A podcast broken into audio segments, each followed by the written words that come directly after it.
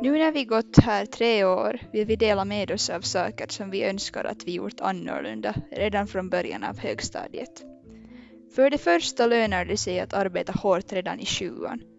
Exempelvis om du vill få en åtta i matte räcker det inte med att du får sjuar på sjuan och åttan och på nian höjer till en åtta. Det är alltid lättare att behålla sina vitsord än att höja dem. Dessutom ger man ett gott intryck på lärarna om man redan från början visar intresse. Dock så är det viktigt att inte stressa allt för mycket. Kom ihåg att njuta av högstadietiden, för tiden går så himla fort. Att ha roligt och skapa minnen är minst lika viktigt som att få fina betyg.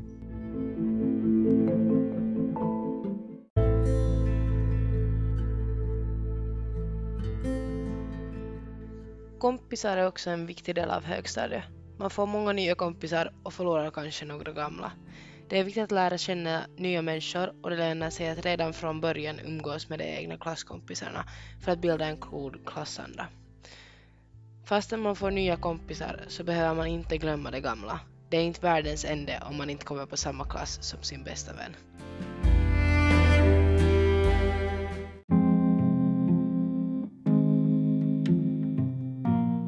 Våra tre år i högstadiet har varit annorlunda. Vi har fått flera månaders undervisning i form av distans. Tack till alla lärarna som har orkat med det. Vi har också missat utflykter och andra speciella dagar och tillställningar på grund av coronan.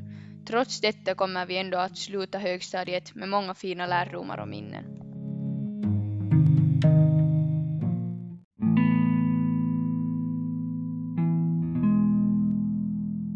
Vi vill tacka alla personer som har hjälpt oss genom högstadiet, våra vänner som alltid stöttat oss och gjort skolan till en rolig plats att vara i, våra föräldrar som har hjälpt oss med skolarbeten fast det har annat att göra, och såklart lärarna som lärt oss så mycket, gjort undervisningen rolig och intressant under dessa tre år och som orkat stå ut med oss när det enda vi velat göra är att gå hem och sova.